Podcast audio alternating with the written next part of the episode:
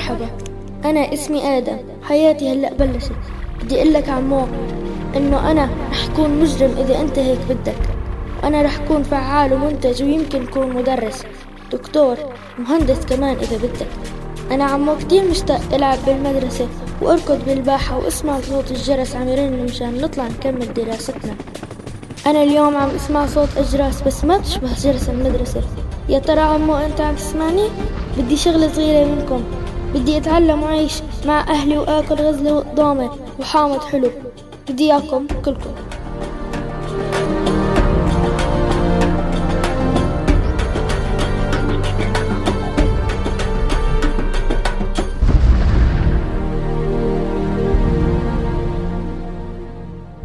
آدم طفل نجا من مجزرة الكيماوي بالغوطة عام 2013 ولسه عنده الرغبة إنه يعيش ويفرح بالحياة. للأسف في كتير من الأطفال والنساء والشباب وعوائل كاملة حتى ما قدرت تنجو بمجزرة الغوطة يلي تجاوز عدد ضحاياها ال 1400 شخص.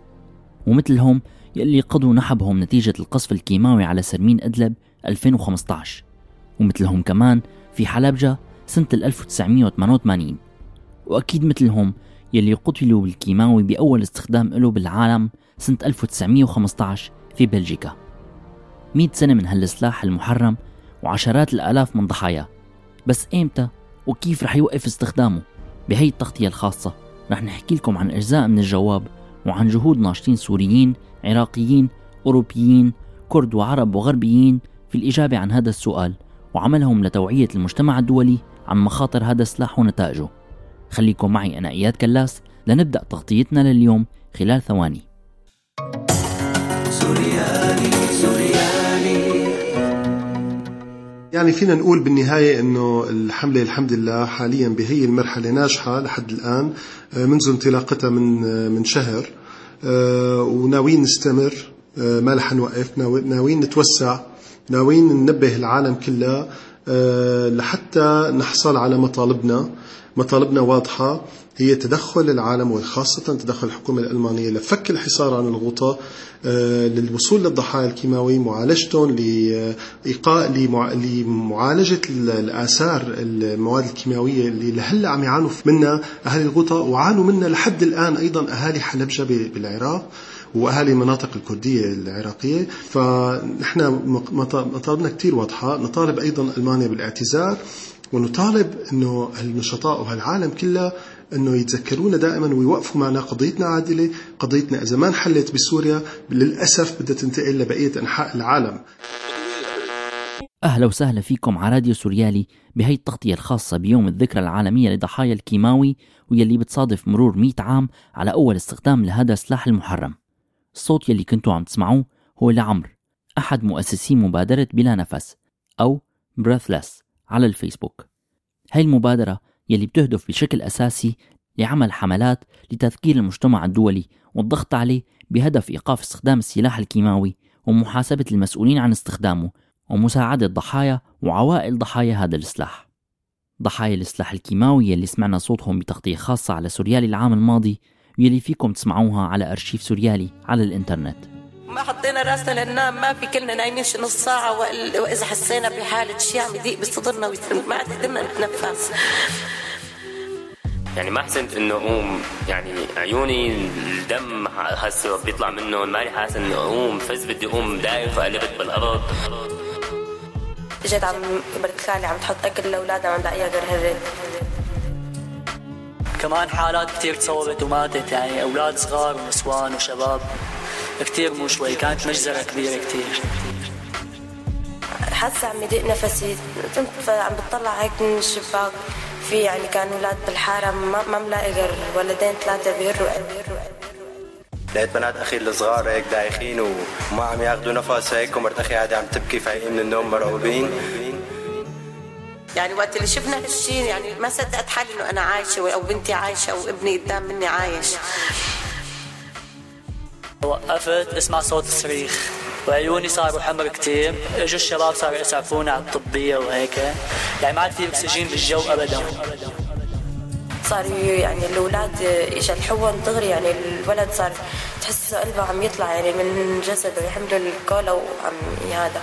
الأولاد صاروا ملحوشه بالأرض. شفتوه على التلفزيون. أكيد الكيماوي كأنك عم تموت على البطيء. اطباء ماتت من الكيماوي من الروايح. هي عم تاسف الأطفال. الكيماوي والقصف بنفس الوقت. ما في كان بين الضربة والضربة ما في نزل صاروخ الكيماوي ما في بدك تقول شي ربع ساعة عم ننقذ العالم وقت أنقذونا فيقونا. عم ننقذ غيرنا يعني ما في يعني إحنا عم ننقذ العالم بلشت ما غير نزلت قذيفة وعلى العالم. ما حدا لا سأل علينا ولا حدا تحاسب ولا يلي مات مات واللي عاش عاش. أصعب شيء بنشوفه بحياتنا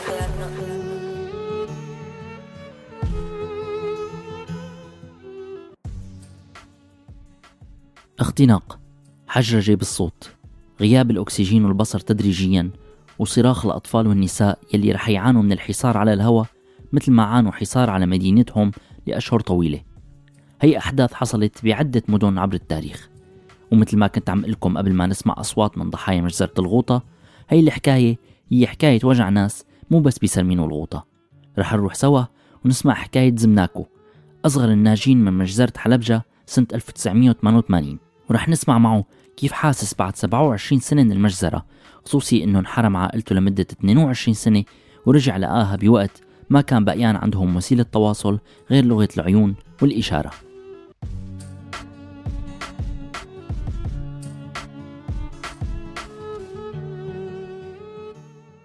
After the chemical bombardment, بعد القصف الكيماوي بعض الجنود الإيرانيين لقوني ببيت فاضي وكنت لحالي. and then they took me كان عمري ثلاث شهور بس. وبعدين هالجنود أخذوني إلى إيران إلى مدينة قريبة كثير من حدود أفغانستان. وهنيك تبنتني عائلة إيرانية. وعشت معهم لحد ما توفت والدتي الإيرانية بالتبني. وبعدها عشت أربع أو خمس سنين هنيك بدون أوراق وبدون جنسية أحد. I came back to Kurdistan. استعنت ببعض المعارف لأرجع لكردستان وعرفت أنه كان في 42 عيلة فقدوا أولادهم أثناء الضربة الكيماوية. بدون ما يلاقوا. Those families there were five families وبين هدول كان في خمس عيال فقدوا أولادهم بعمر ثلاث شهور. يعني عمري وقت ضعت بهداك الوقت. took a DNA test From عم هون الحكومة أخذت عينات حمض نووي مني ومن العيال الخمسة. وطلعت النتائج لقيت أمي الحقيقية. I found my real mother and اللي خبرتني إنه مات أربعة من أخواتي وأختي وأبي بالضربه الكيميائية ما فيني أوصف الشعور وقت لقيت أمي. أنا ما كنت بحكي غير فارسي. أمي بس بتحكي كردي بس رغم ذلك قدرنا نتواصل بعيوننا بس حسيت من أول لحظة أنه أنا بعرف أمي من سنين كتير طويلة.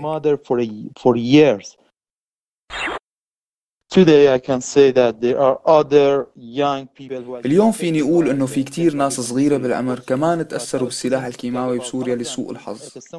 بس بكل الأحوال تم اختياري لأحكي بهذا المؤتمر عن حلبجة وعن حياتي وعن تجربتي وعن شو صار بمدينتي.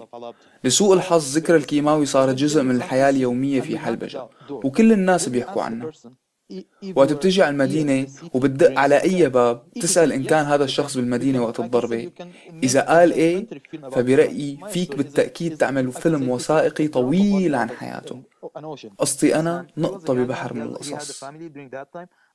هذا الرجل كان شاب صغير كان في عنده عيلة من زوجة وأولاد بوقتها وخسرهم كلهم وقت النظام العراقي ضرب حلبجة. ب 1974 وبعدها رجع تجوز وجاب أطفال ورجع خسرهم كلهم عام 1988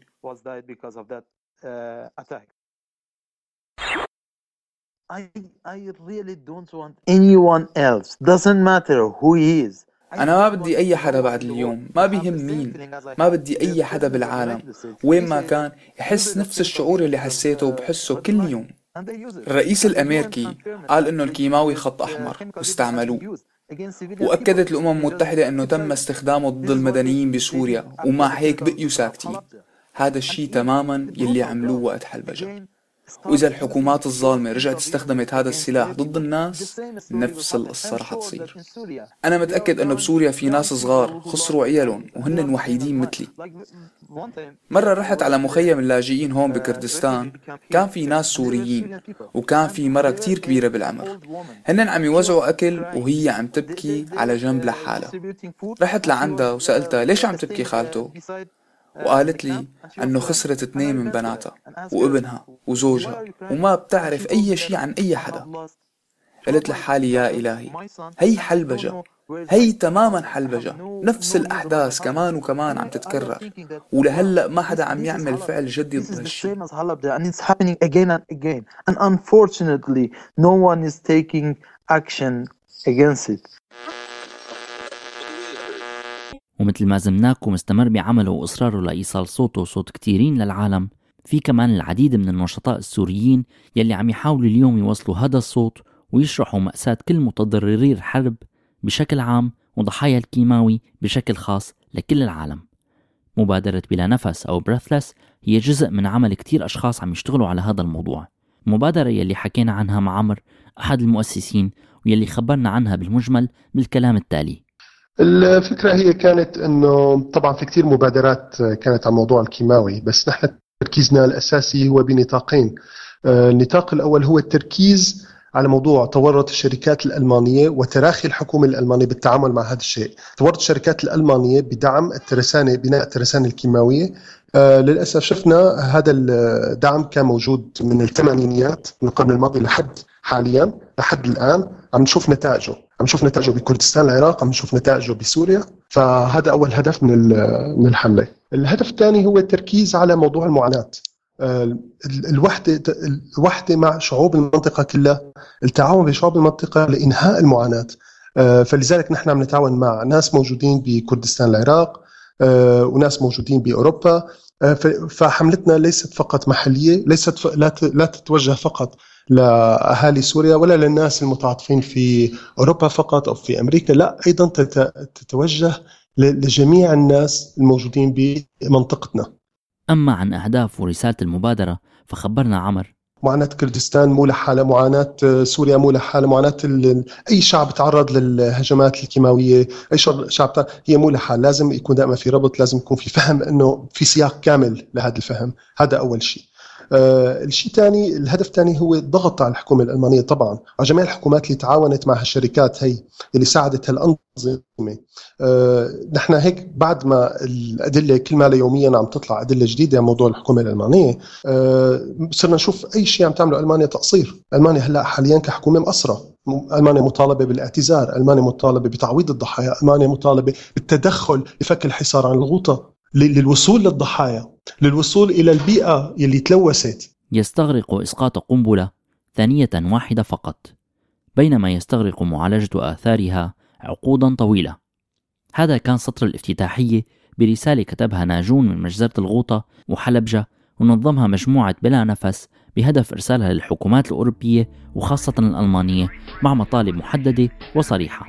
خليكم معنا بعد الفاصل لنحكي لكم أكثر عن الرسالة والحملة.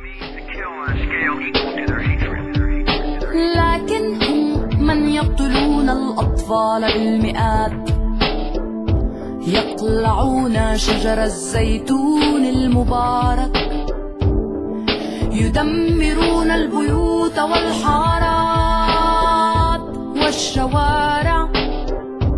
اعتقالات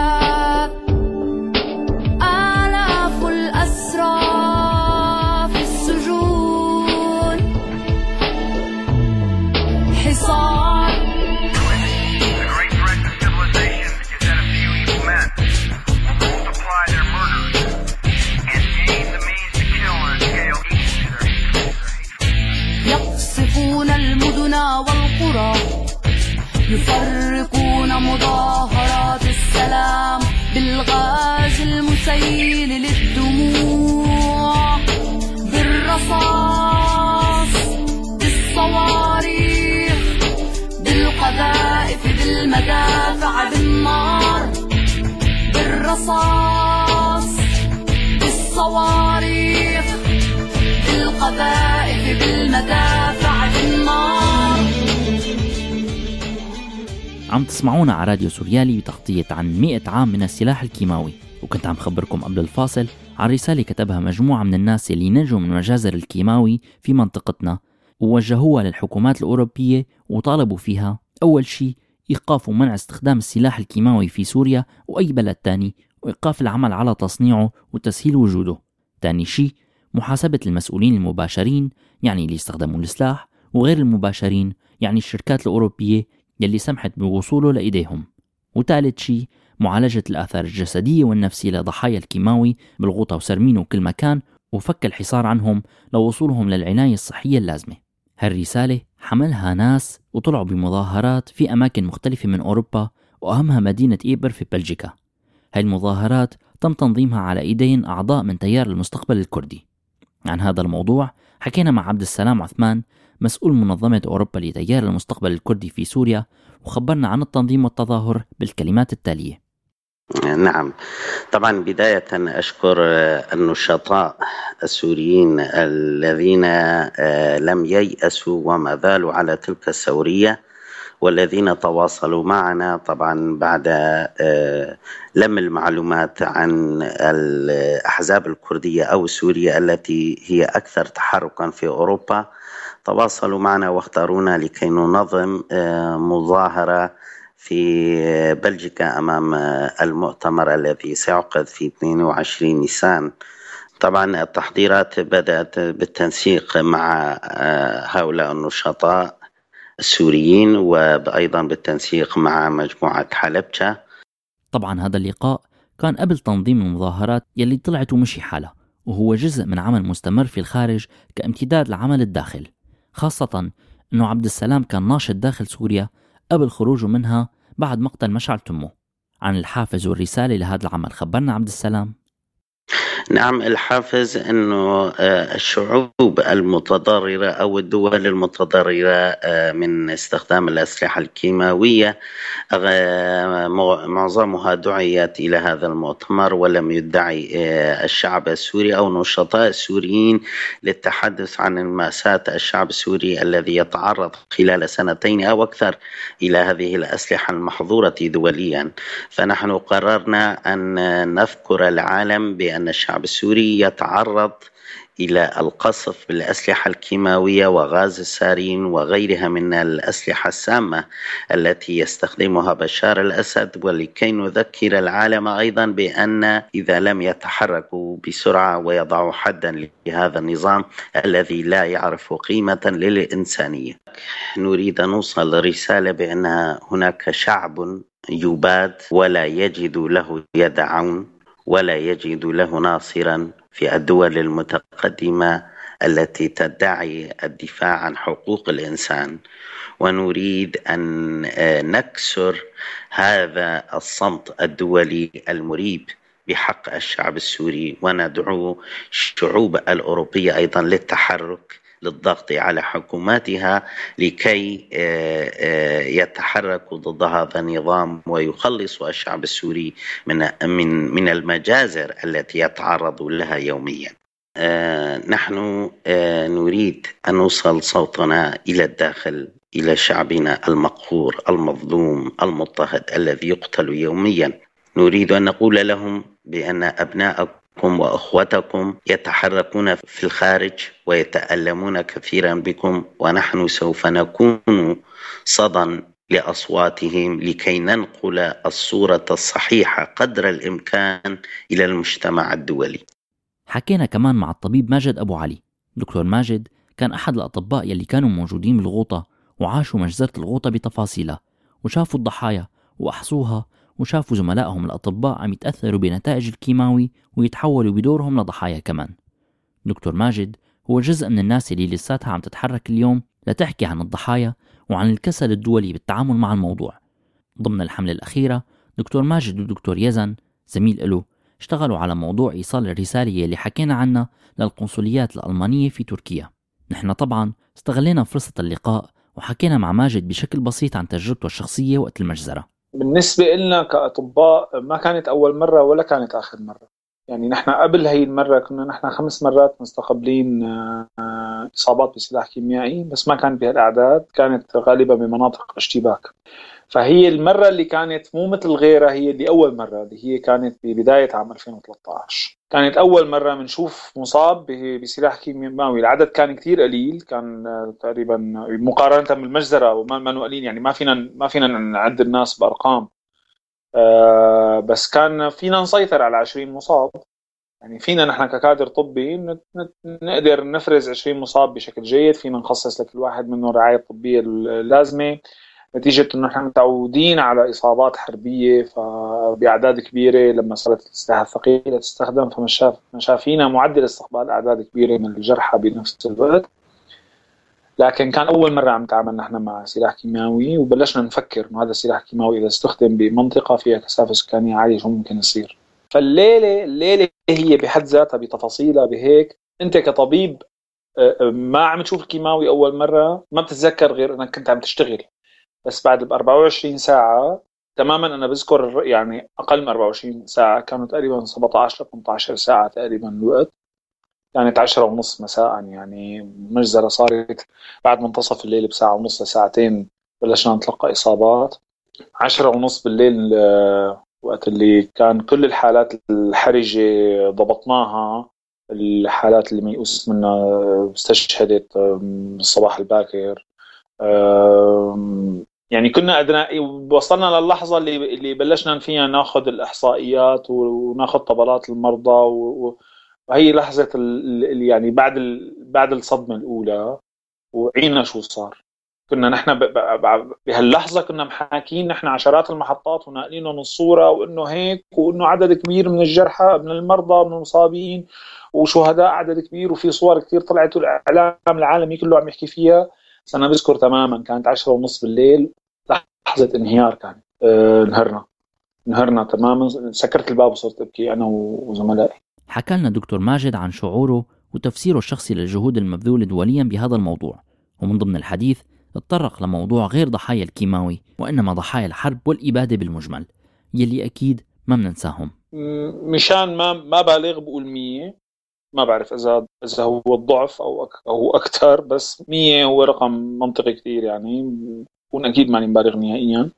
آه، بالبداية حسينا إنه ممكن يغير إيه آه، بشاعة المجزرة مو مو حجمها لأنه عم يصير عم يصير أحجام ثانية بجوز بشكل مجزأ يعني. بس آه، إنه إنه تكرار هالكلام وهيك جربنا نحكي يعني لكل وسائل الإعلام العالمية يعني حكينا لكل وكالات الأنباء العالمية. أنا بشكل شخصي كنت مسؤول عن عن هذا الموضوع عن عن عن نقل الصورة وعن ما في وكالة يعني ما في وكالة إخبارية ما حكيت عليها بكل الوكالات العالمية. ما في وكالة ما نشرت الصور ما في حدا ما شاف آه، لا ما تغير في لحظات نسينا.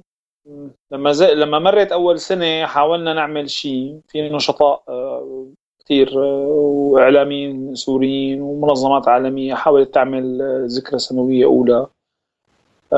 يومها أنا فكرت بشغلة إنه خلينا نشوف كم شهيد مات من الحصار كم شهيد مات بوسائل ثانية خلال السنة بنفس المنطقة. خلال عام كان في 3000 شخص ميت بدك تضل يعني في 175 شخص منهم آه، آه، استشهدوا آه، نتيجة قناص وهو عم يمنعهم إنه يتسللوا ويروحوا يجيبوا غذاء من الطرف الآخر اللي اللي فيه غذاء وضوء وكهرباء وكل شيء.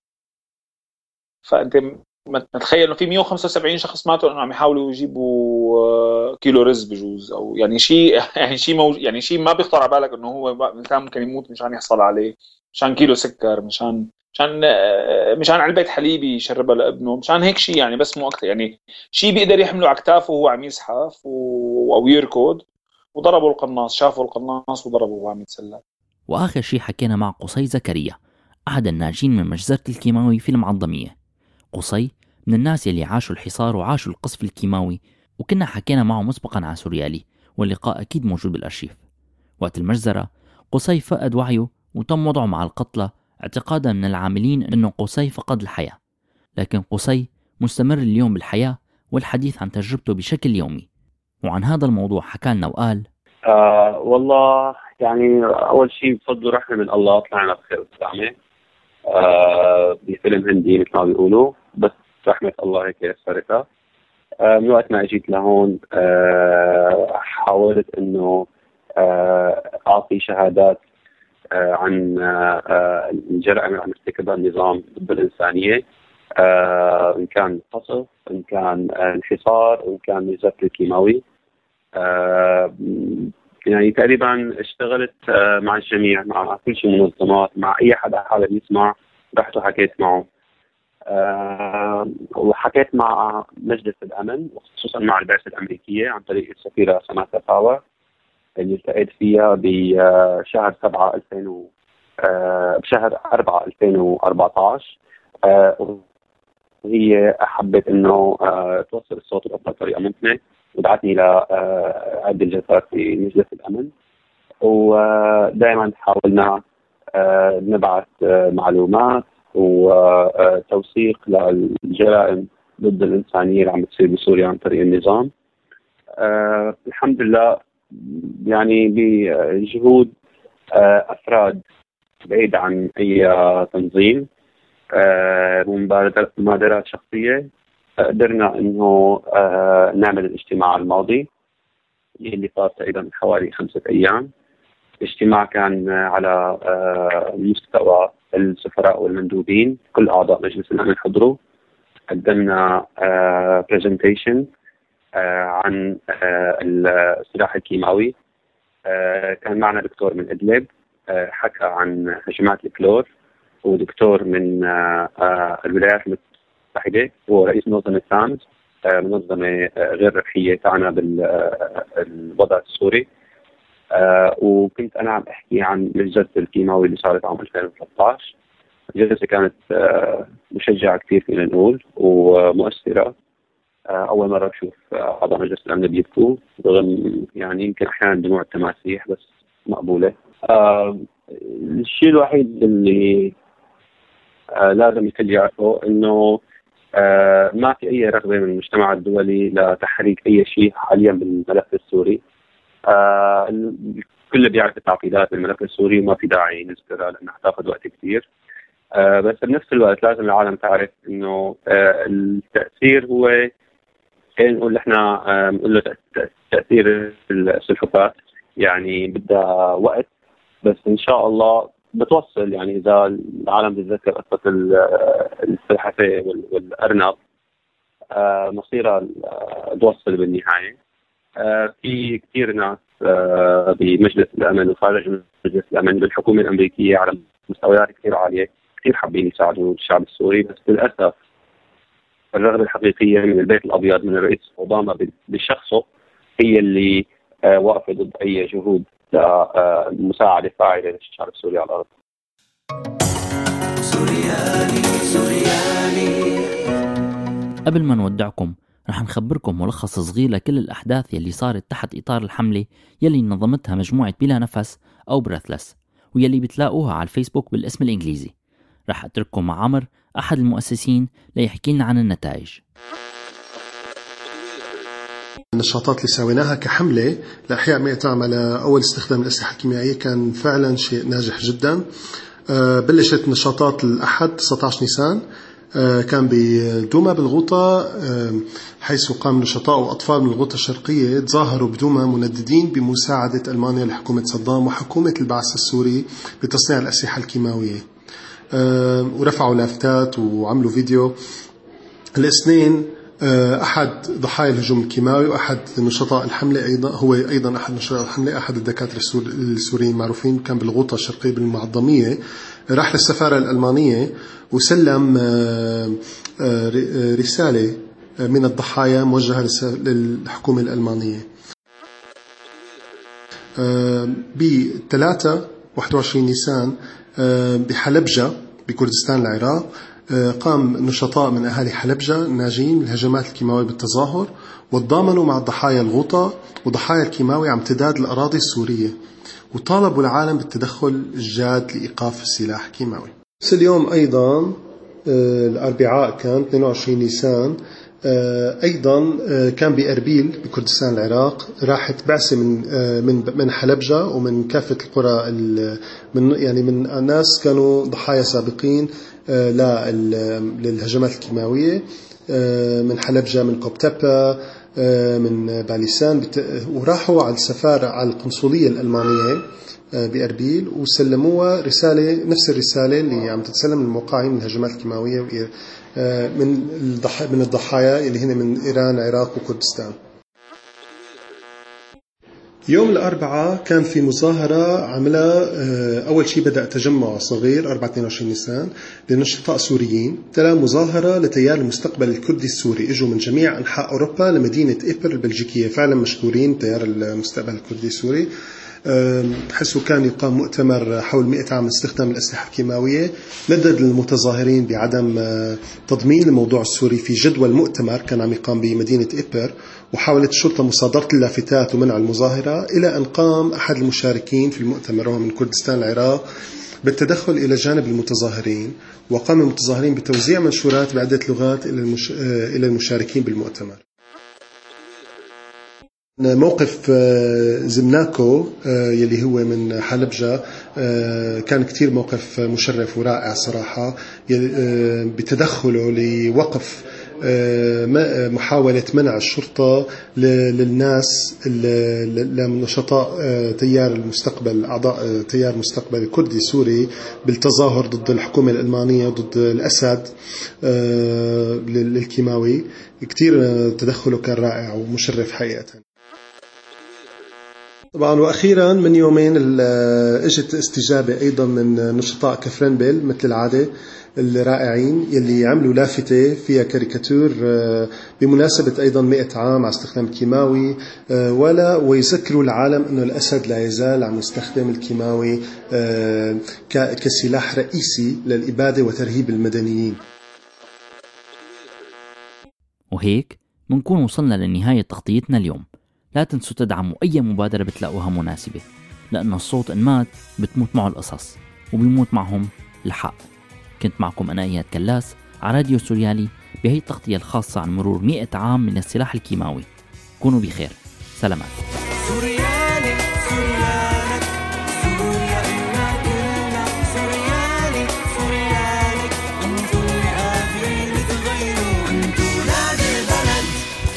البرنامج من إنتاج راديو سوريالي 2015